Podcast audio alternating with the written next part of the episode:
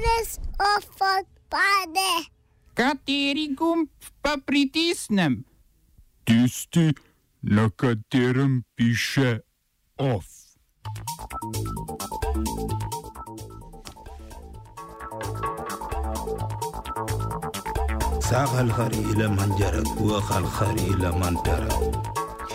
Zaradi zakona o izročanju obtožencev Kitajski v Hongkongu za ostritev množičnih protestov. Protesti v Rusiji se nadaljujejo tudi po izpustitvi novinarja Ivana Gol Golunova.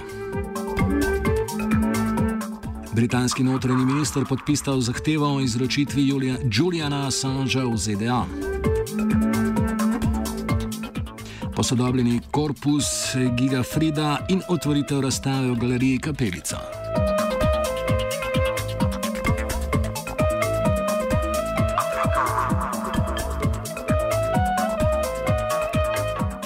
Hongkonška zakonodajna skupščina je pod pritiskom javnosti predstavila branje vladnega predloga zakona o izročanju obtožencev Kitajski na poznejši čas. Včeraj, kot že več dni pred tem, so se na ulicah Hongkonga zbrali nasprotniki omenjenega predloga. Po podatkih organizatorjev je število protestnikov ob vrhuncu demonstracij v nedeljo preseglo milijon, policija navaja številko 240 tisoč. Med policijo in protestniki so izbruhnili tudi nasilni spopadi, zato je tamkajšnja vlada za danes ukazala zaprtje nekaterih vladnih ustanov ter javnih storitev. Zaradi specifične kolonialne zgodovine Hongkong uživa posebno avtonomijo.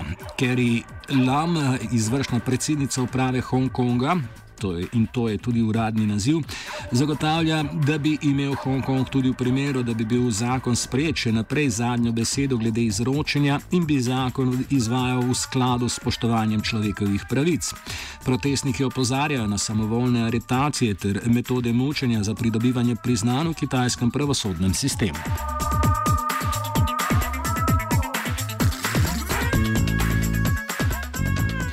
Protesti v Rusiji se nadaljujejo tudi potem, ko so oblasti v torek izpustili novinarja Ivana Golunova ter zavrgle obtožbe o posedovanju mamil. Policija je posredovala vsaj 1200 protestnikom, od tega je 500 pridržala.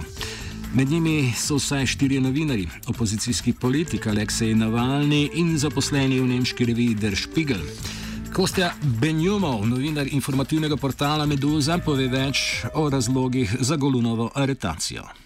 The investigation that actually got him in trouble had to do with um, with a funeral market, which is lucrative. It is mostly mostly in the shadows. Nobody really knows what's going on there. Who gets, you know, who is the beneficiary of um, of all the of all the money that's in there.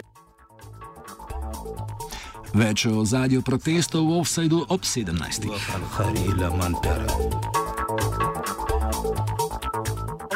Izraelska vojska je izvedla vnovičen napad na enega od predavrov Hamasa v Gazi. Kot sporočajo, naj bi šlo za odgovor na domnevni sinočni raketni napad na južni Izrael, ki ga je tamkajšnja zračna obramba prestregla.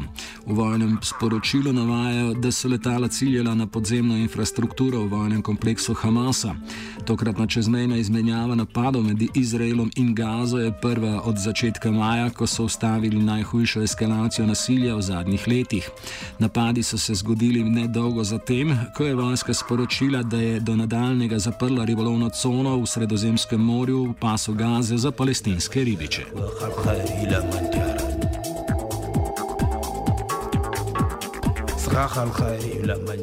Britanski notranji minister Sajid Javid je sporočil, da je podpisal nalog za izročitev Juliana Assangea ameriškim oblastem. Britanske oblasti so ustanovitelja platforme Wikileaks areterale 11. aprila, ko mu je ekvadorsko veleposlaništvo v Londonu, kjer je prebival od leta 2012, odreklo mednarodno zaščito. V primeru izročitve ZDA ga čaka obtožnica z 18 točkami, med njimi je tudi obtožba vohunstva, česar še ni bil obtožen noben predstavnik medija. Po celotni obtožnici mu grozi do 175 let zapora.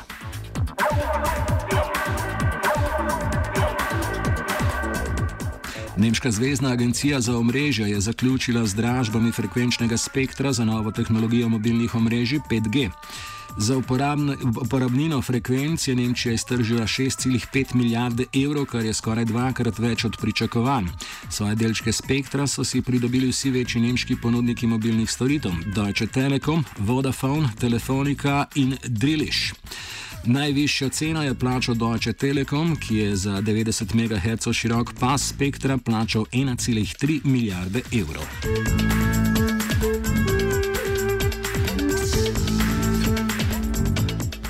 Vlada je sprejela sklep o začetku likvidacije Nacionalnega inštituta za otroške srčne bolezni. Inštitut je leta 2017 ustanovila no vlada Mira Cerarja, njegovo ukinitev pa je lani predlagal bivši minister za zdravstvo Samo Fakin.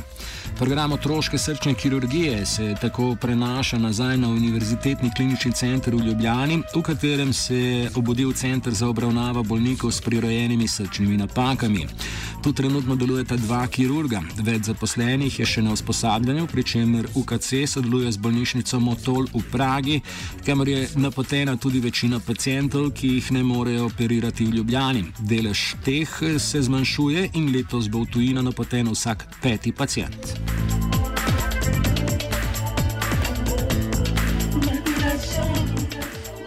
Ovsta pripravila vajenka Anja in Gal.